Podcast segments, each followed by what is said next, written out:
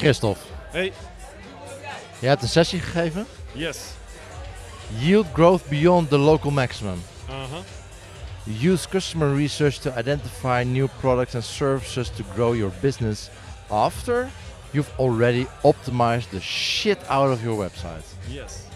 Waar ging je sessie over? Eh, wel, de meesten onder ons hebben allemaal hetzelfde probleem. Eh, in het begin eh, is ehm, ja, testing zo super cool, omdat je eh, heel veel tests kan bedenken die super veel impact hebben.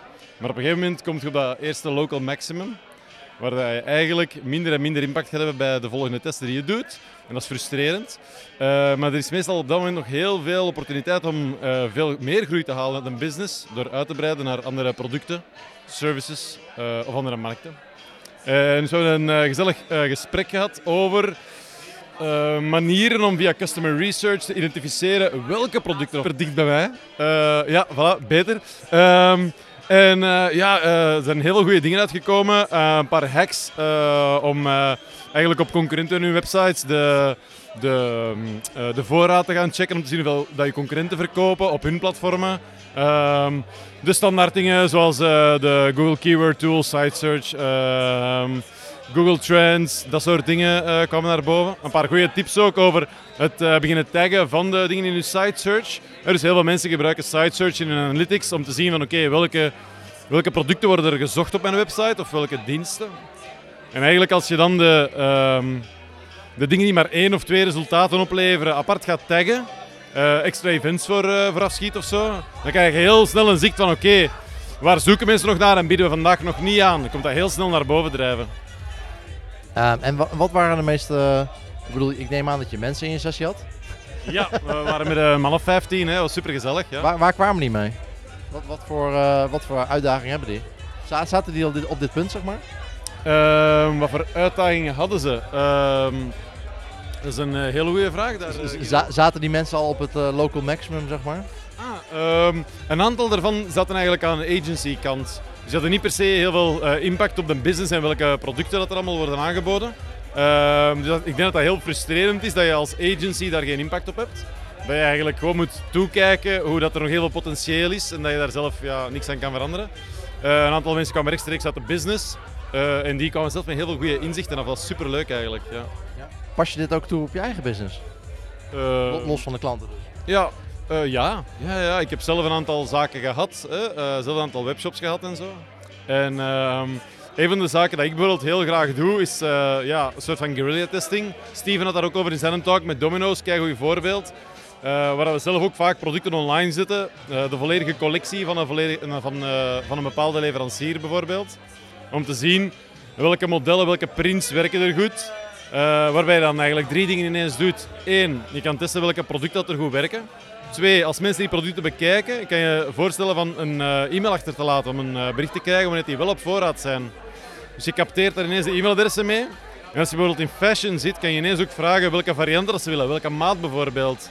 Waarmee je veel beter kan inschatten welke voorraad dat je moet aankopen, zodat je niet met onverkochte dingen in stok blijft zitten. Ja.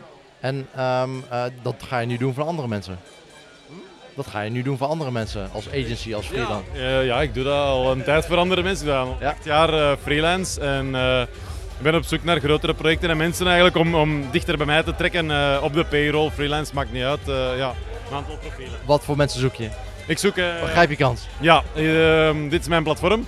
Dus ik zoek nog één conversiestrateeg, een senior profiel weliswaar, dat de ambitie ook heeft om zelf een team verder uit te bouwen. Ehm, en dan daarnaast een goede frontender.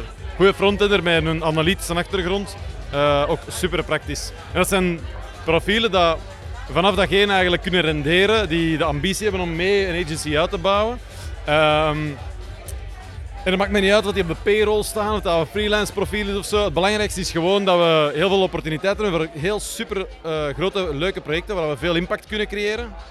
Maar dat vandaag het moeilijk is om de juiste profielen op het juiste moment te vinden. Dus ik zou ze graag dichter bij mij trekken.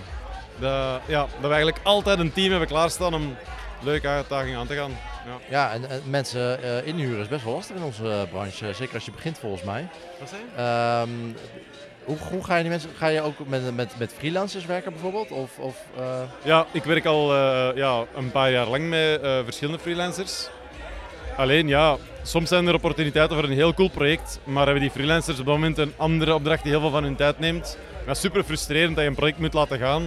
Ehm, ja, zeker als dat iets is dat je echt heel graag wilt doen, maar niet alleen kunt. Waar je echt een multidisciplinair team nodig hebt. Eh, zeker als die competenties al niet bij de klant bijvoorbeeld zitten en je moet ze zelf mee binnenbrengen, dan uh, ja, dat is echt heel jammer. Vandaar dus uh, freelancers of mensen die op de payroll willen komen, maakt me niet uit. mogen, mogen ze gewoon remote werken? Ja, zeker, zeker, zeker. Ja, ja, ja. Ik heb voor een aantal startups gewerkt die remote als standaard hadden. Waar we eigenlijk maar één keer om de paar weken fysiek samenkwamen, gewoon om eens een pin te pakken, maar voor de rest eigenlijk iedereen constant van thuis werkte. Ik vind dat, ik vind dat allemaal oké. Ik vind allemaal oké, ja. En uh, ja, want eigenlijk de mensen die je zoekt zijn allemaal verschillende disciplines. Uh, we hadden de vraag al, is volgens mij al een paar keer langskomen. Ben benieuwd hoe jij ziet. We, we noemen onszelf vaak CRO-specialist. Eigenlijk een hele gekke term, want er vallen heel veel verschillende skillsets onder. Ja. Bestaat die CRO-specialist eigenlijk wel? Uh, ja, ik denk dat er verschillende, CRO, hey, verschillende vormen van CRO-specialisten bestaan. Ik denk dat ieder zijn eigen specialisatie heeft binnen dat uh, domein van uh, CRO. En dus CRO-specialist is een algemene term voor iemand die gespecialiseerd is binnen één domein van CRO. Ja. Dus Alleen weet je dan nog eigenlijk niet wat dat domein is als iemand zegt ik ben CRO-specialist. Super algemeen, super algemeen. Ja. Wat doe je dan eigenlijk? Uh, ik ben bijvoorbeeld iets dieper in uh, customer research, uh, een stuk strategie. Ik heb heel veel ervaring binnen bedrijven zelf, in-house, in de strategieafdelingen. Dus ik heb heel veel met C-level samengewerkt. Ik weet hoe dat um, een bedrijf denkt, wat dat de beweegredenen zijn achter bepaalde zaken, dat de politiek binnen een bedrijf werkt en zo. Um, en dan is het, um, de ervaring in customer research heel waardevol aan tafel uh, bij zo'n C-level. Dus ja, ik heb een heel brede achtergrond met zo een, een, meer specialisatie in die richting. Maar andere mensen hebben dan zo meer een uh, specialisatie in ja, de testing zelf, het opzetten van die uh, AB-tests en zo. En die hebben dan wel een beetje kennis van het research gedeelte, maar die kiezen er dan voor van keihard voor development te gaan bijvoorbeeld. Ik denk dat elke CRO-specialist zijn eigen niche heeft binnen dat vak. Ja. Wat, wat is jouw ideale klant? Uh, ideale klant voor mij, de, um, een bedrijf dat matuur uh, is. Um, waar dat, uh, het, ja, vaak het C-level zelf inziet dat er een nood is aan een optimalisatiecultuur binnen een bedrijf. En wat die er nu al is en niet goed draait, of dat ze die nog moeten opstarten, Um, het is heel belangrijk dat ze beseffen dat ze daar de juiste mensen voor moeten binnenhalen. Hè? Want heel veel agencies, zowel marketing agencies als development uh, agencies, die bieden wel een soort van CRO-diensten aan, omdat ze voelen dat daar vraag voor is in de markt.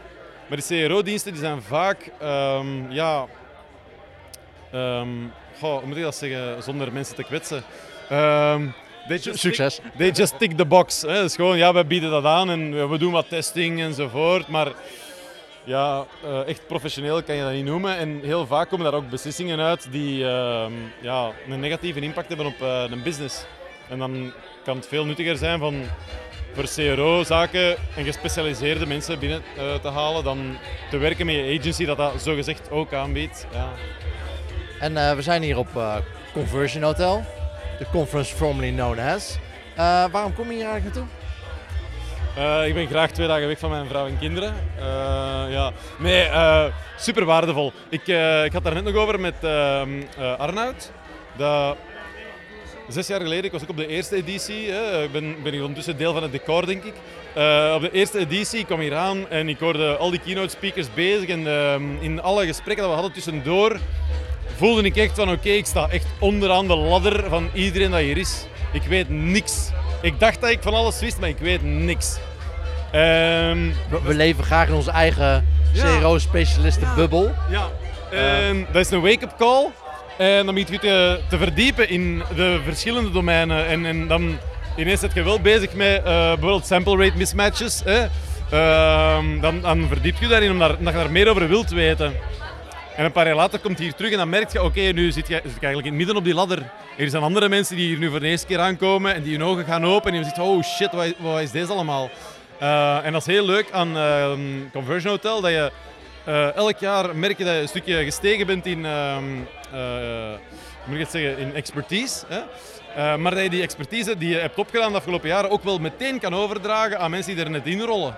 Uh, en dat dat geapprecieerd wordt door iedereen hier, dat iedereen hier gewoon kennis deelt met iedereen, onafhankelijk van welk niveau dat je, dat je al hebt. Ik, ik heb zelf bij heel veel conferenties dat ik denk van ja, dit ken ik wel, dat ken ik wel. Maar Conversion Hotel is eigenlijk een soort van jaarlijkse nou ja, bijna uh, uh, een klap, het klap tegen je gezicht weer. Ja, ja. Van ja, maar er zijn ook heel veel dingen die je niet goed doet of niet, helemaal niet weet, of waar je überhaupt niet over na hebt gedacht.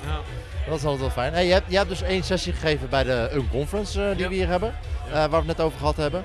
heb je nog andere sessies gevolgd? Wat heb jij geleerd? waar, ik, waar wilde je meer over weten? Ik heb een superleuke sessie gevolgd over um, to test or not to test. Uh, waarin dat we eigenlijk een discussie hebben gehad over. Um, ja, soms dan uh, wil bijvoorbeeld een bedrijf heel graag dat je bepaalde dingen test. Um, ook al staat dat eigenlijk ergens van onder op de prioritization pipeline.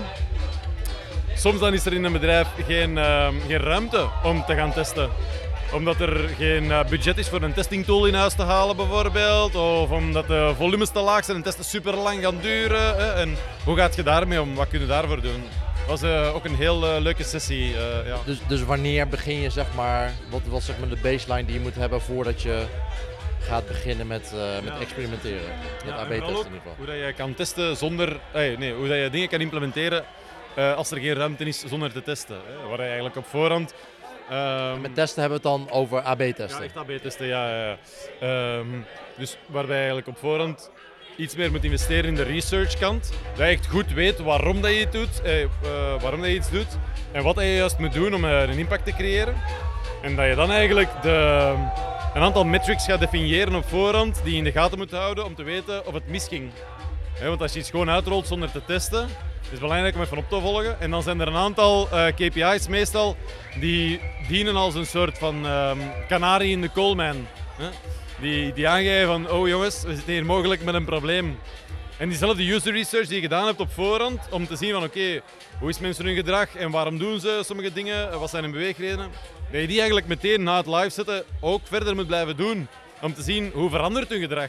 Um, en ik denk dat je dan wel gerust een paar dingen live kan zetten zonder dat je ze per se moet AB testen. Uh, zeker bij kleinere volumes en zo. Uh, of als er bijvoorbeeld geen budget is bij grotere bedrijven om, uh, om een tool in huis te halen. Want heel veel bedrijven onderschatten de kosten dat er komt kijken bij een volledig CRO-traject. Ik denk dat we dat allemaal uh, al vaak genoeg hebben meegemaakt. Ehm, dat, ja, goed. en dan is dat een interessante manier om zeker in het begin te bewijzen van oké, goed, er zit heel veel potentieel. zeker voordat je aan dat, dat local maximum zit, zijn er veel zaken die je nog wel kunt lanceren zonder te testen. Maar er komt een bepaald punt waar dat je risico's gaat beginnen nemen, dat je niet helemaal zeker niet meer bent. Um, en tegen dan zouden we eigenlijk moeten zien dat dat budget er is om deftig te beginnen testen. Ja, ja je, je, wil steeds hoger. Eigenlijk moet je. Uh, kijk, AB-testen, dat is een, een, validatiestap aan het einde van dat optimalisatie. Uh, van, die, van die cyclus, zeg maar. Um, maar dat wil niet zeggen als je dat niet kan doen, dat je dan helemaal niks meer kan doen. Uh, het gaat vaak om, het is volgens mij dit weekend al een paar keer voorbij gekomen de, de, de hierarchy of evidence, zeg maar. Ja. Uh, met onderaan de expert review en uh, helemaal bovenaan uh, RCT's. dat, dat je continu eigenlijk AB-testen aan het doen bent en meerdere AB-testen aan het doen bent om een hypothese te valideren. Hoe hoger op die piramide, hoe beter. Maar dat wil niet zeggen dat als je halverwege zit, en, heb je nog geen dat het precies. Ja, nee, dat is, dat is helemaal akkoord. Helemaal akkoord. Dat is, um, Heel vaak kom je nog bij bedrijven waar dat je ehm, bijvoorbeeld gewoon al technische fouten ontdekt die in de weg staan. Um, ja, dan moet je niet gaan testen. Een expert review haalt meestal zo de, de technische fouten naar boven, sowieso. En dan daarnaast een aantal basic uh, ja, fouten in, in, in UX, usability, uh, ja, die, die je er eigenlijk gewoon al moet uithalen, punt. Dat, dat hoef je zelfs niet te testen. En uh, nou ja, we hebben dit, uh, dit weekend ook uh, wat keynotes.